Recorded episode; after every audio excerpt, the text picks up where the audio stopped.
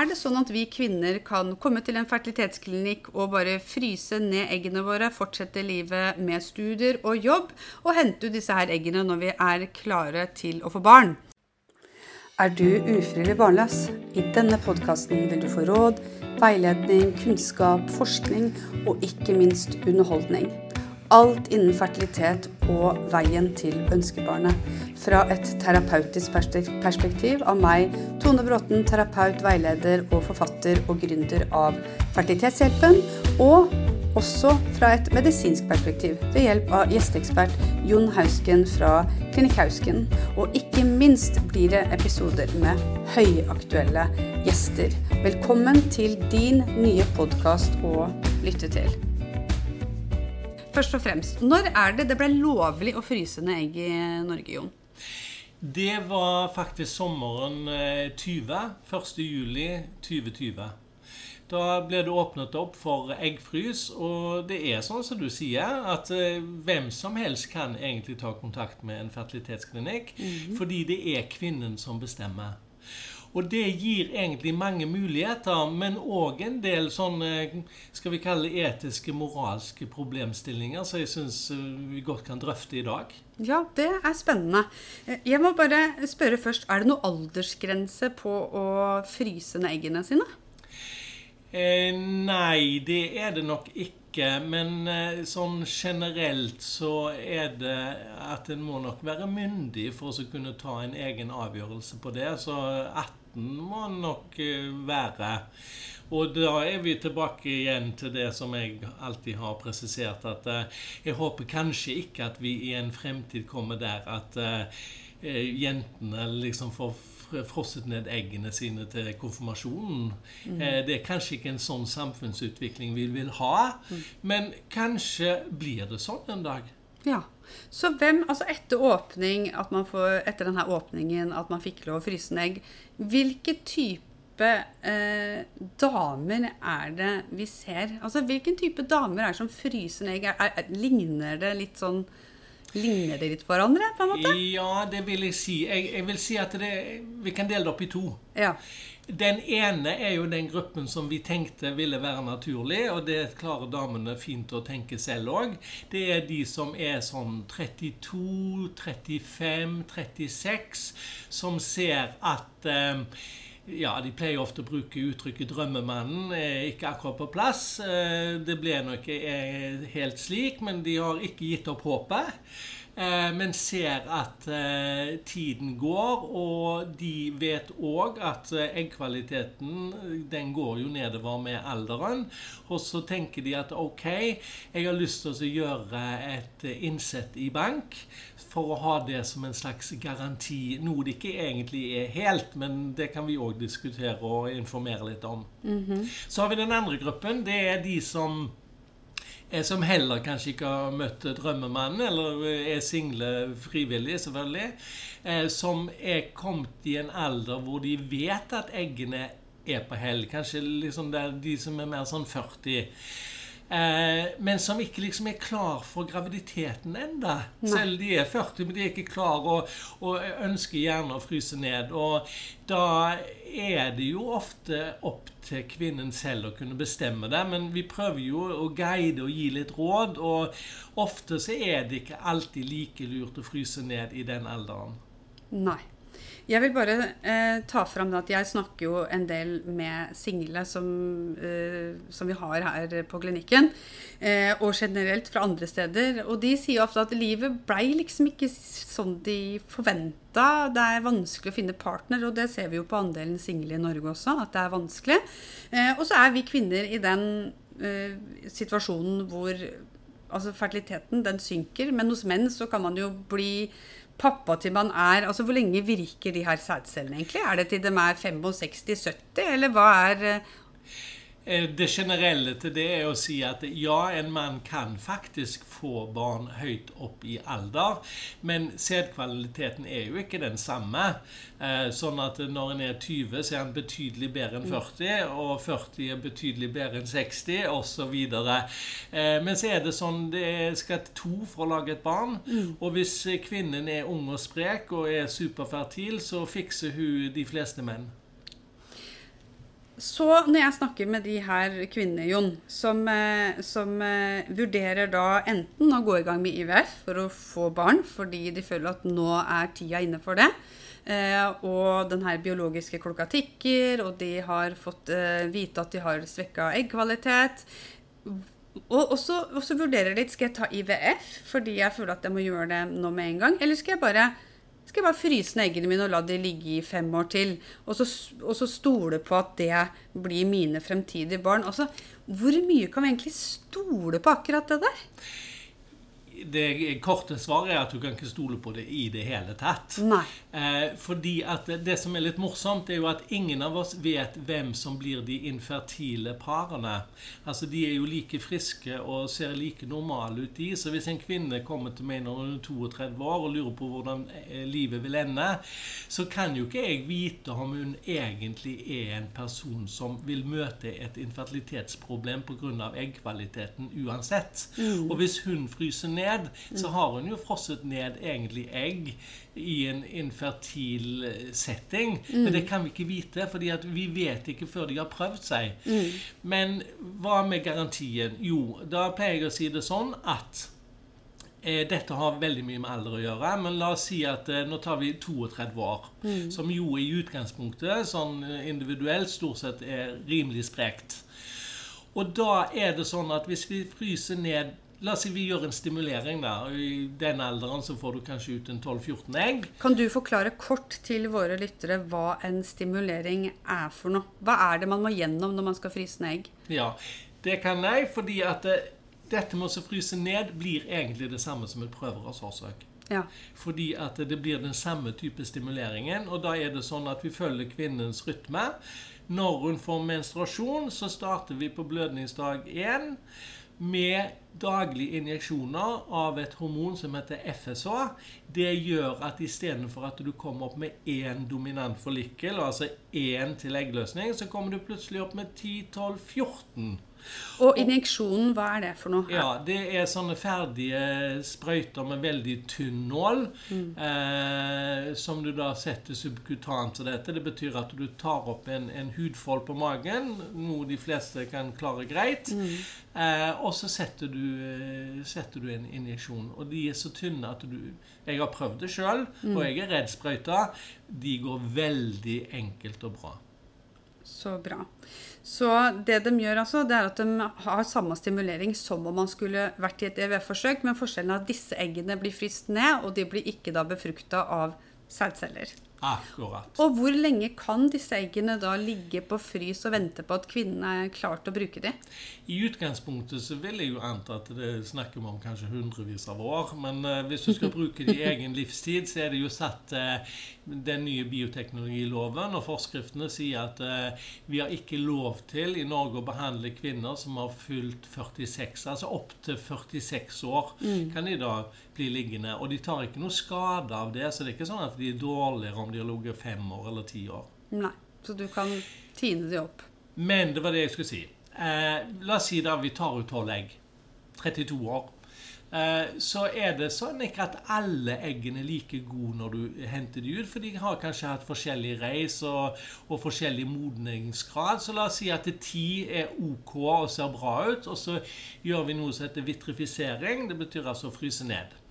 Eh, og da er det sånn at en i dag regner med at ca. 70 overlevelse. Fordi egg tåler ikke like godt frys Nei. som embryo, altså når det har mm. skjedd en befruktning.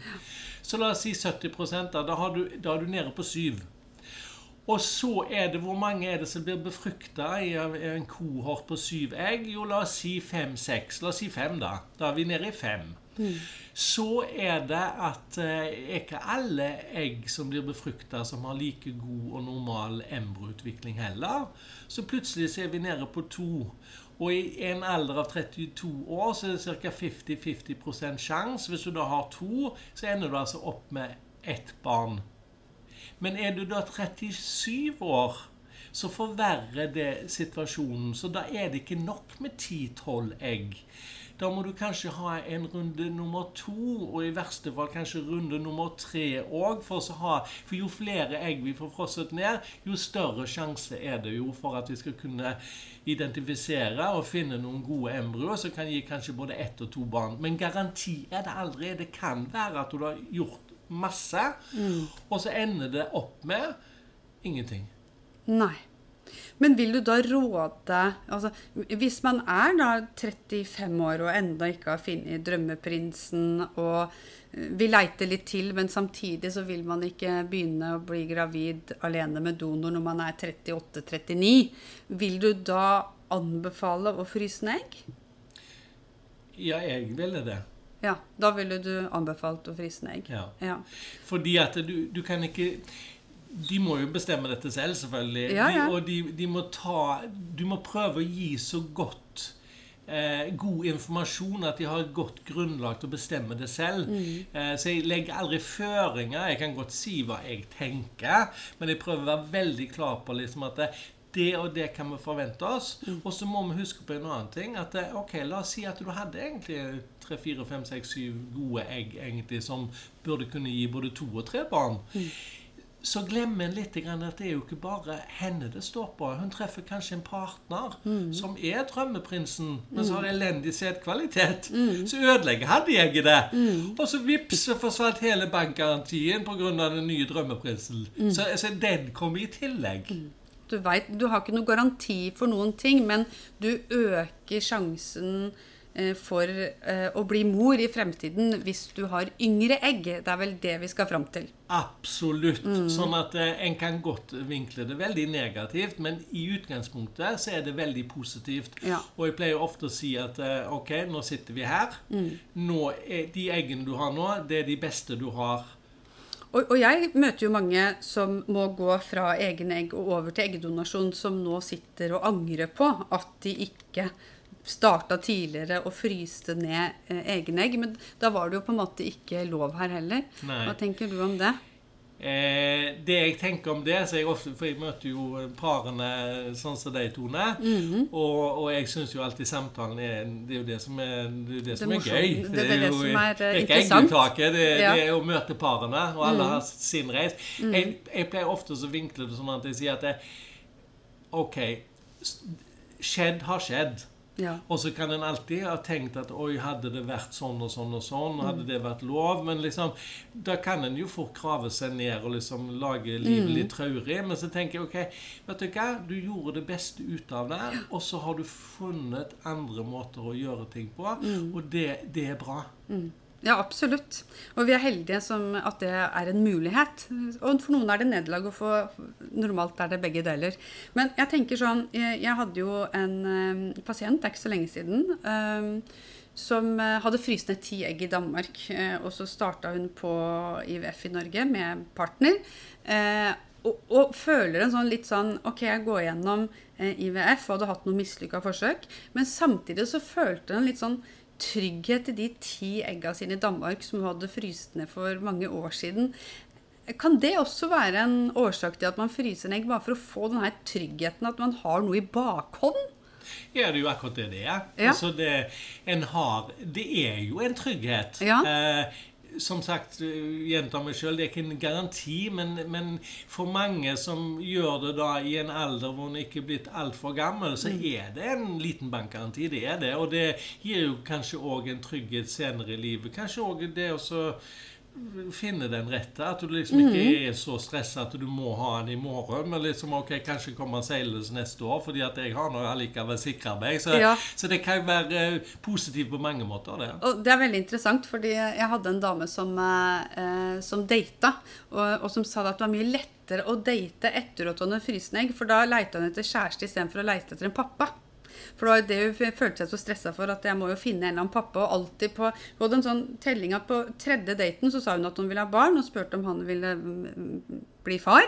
Eh, Og hvis de var negative, så slutta å date han. Men etter å ha fryst egg så blei det annerledes. Da, da kunne han fortsette leite etter en som har passa sammen istedenfor bare å ha en farsfigur. Så det kan jo gjøre underverker på andre måter enn å bare være en trygghet. Det kan gjøre at du forholder deg til mannen på en helt annen måte også, tenker jeg da. Og så ser vi jo Vi snakker om disse single. Altså det er jo den nye det er jo den nye måten å leve på, det. Ja. Eh, det får vi jo stadig rapporter om fra storbyene, Oslo. Eh, og, og det, er noen, altså, det er ikke noen negativt eh, livsform å, å, å være lykkelig som singel. Ha Nei, nei. gode venner og, og få de barna en eventuelt måtte ønske seg. Sånn at Mm. eh, vi skal ikke forkjærlige ekteskap og drømmemann og drømmekvinnen. Men eh, for Mm. noen er jo det ok, og kanskje for mange av oss er det jo det. Men det Mm. Er mange måter må måter å leve et godt liv på. Ja, jeg tror vi må ha en sånn egen episode om single. Det tror jeg er viktig. Ja. Det her å prate om hvilken situasjon du Ja, står det er det. fordi at med, etter den nye loven kom, så er det en veldig stor tilstramning med Ja, behandling av single. Mm. Og når vi så på Vi så nettopp på tallene på, på, på dette med donorsæd. Ja. Um, og da er det sånn at eh, 55% av alle behandlinger med donorsæd, det Mm. var single. ja. Så var det ca. 10% heterofile par, så det er ikke de som utgjør den store gruppen. Nei. Og så resten, altså 35 eller hva det nå blir da, eller 40, eh, var da eh, eh, homofile, altså lesbiske, hvis du skal bruke det uttrykket. Ja. Så det vil si at fryser man egg, så er det uh, to ting som kan skje. Det ene er at man finner en partner som man vil bruke disse eggene sammen med, eller at det senere kan være en donor da, eh, som befrukter de her eggene. Eller at man klarer det bare selv med en partner, og de eggene blir eh, liggende eller destruert etter en viss tid. Kan du da ringe til klinikken og si du vet hva, jeg vil at dere skal fjerne eggene mine? Ja, og det gjør de, fordi at vi endret litt policy, vi òg. Fordi at etter hvert så hadde vi så mye vi hadde så mye gameter, som det heter. Altså embryo, egg, spermier frosset ned. Det, det tøyte ut alle vegger, på en måte. Så fant vi ut, vet du hva vi, vi må, For det første så koster det en del penger å håndtere det òg. Så vi sa at ok, det blir en årlig avgift. Det har de tatt eh, i andre land i alle år, egentlig. Men vi tenkte ok, de betaler for å fryse det ned, og så kan de få lov å oppbevare det så lenge de vil. Men det som er det gode med det, i tillegg til at det dekker utgifter, da, men eh, er at eh, hvis du ikke har bruk for noe, og du får en sånn regning sånn en gang eh, Det er akkurat som å være medlem av bokklubben. det på en måte, Du går litt og irriterer deg over de der hundrelappene eller tusenlappene. Ja, for hvor mye koster det egentlig? Det koster nesten 2000 kroner i året I i årlig året. sånn fryseavgift. Ja. Eh, Det gjør at eh, har du ikke bruk for det, så, så Har du ikke lyst til å betale Nei, de du har pengene? ikke det. Nei. Nei. Eh, og, det, og det er egentlig en vinn-vinn-situasjon for, for, for begge parter. Så får Ja. vi plass, til- plass til nye. Ja, det er i hvert fall helt sikkert. Men du vet hva, da tror jeg, da håper jeg at lytterne har fått eh, nok informasjon om hva eggefrys er, hva som skal til for å fryse ned, eh, og at vi har vært innom de fleste perspektiv. Hva tenker du, Jon? Jo, det tenker jeg. Og jeg, jeg tenker, altså Nå kommer vi jo ikke inn på det der etiske og moralske aspektet, men det, jeg tenker at det, vi må ikke kanskje få et samfunn hvor det blir et press å gjøre det. Altså, sant? Du har venninnegjengen som går på videregående skole, sant? og så har du en mor til hun ene som er litt i panikken, for hun hadde et infertilitetsproblem selv. Og så liksom så får hun datteren, sant? du vet hvordan det er, så fryser hun ned eggene, og så snakker hun med en venninne, og så gjør hun det òg, og så plutselig så, så føler alle i klassen ja, men det, det må vel vi gjøre òg. Ja. Det er kanskje noe som vi må prøve oss å få en liten debatt om ute i Ja. samfunnet. Samtidig så vet jeg ikke om det er galt heller, men Mm. jeg tenker kanskje at det ville vært en uheldig utvikling. Ja. Hvordan er det, Jeg ble bare nysgjerrig nå, fordi at eh, vi har jo eggedonorer som, eh, som velger å donere egg til, eh, til klinikk. Hvordan er det hvis man ikke vil bruke de eggene man har donert, og heller da bestemmer seg for å donere de bort? Ja, altså Det var et godt spørsmål, så jeg må eh, bruke litt tid på å, å svare. Ja. Eh, du har vel Altså, du tenker på At du har fått egg fra en annen? Nei, jeg tenker på at hvis du har frysende egg, da si du har ti egg på frys, og så får ja, du en sånn, kjæreste, ja. og så får de barn, og så vil du ikke bruke Kan du da donere det bort? Det kan du. Mm. Det kan du, og det er jo egentlig noe som vi har eh, et ønske om, faktisk. Mm. Vi spør jo ofte de som eh, fryser ned egg òg. Mm. Er men det er òg litt kinkig, for de er jo ikke der. vet Nei, de er de ikke der. det, dette er en Nei. Mm. bankgaranti for de selv.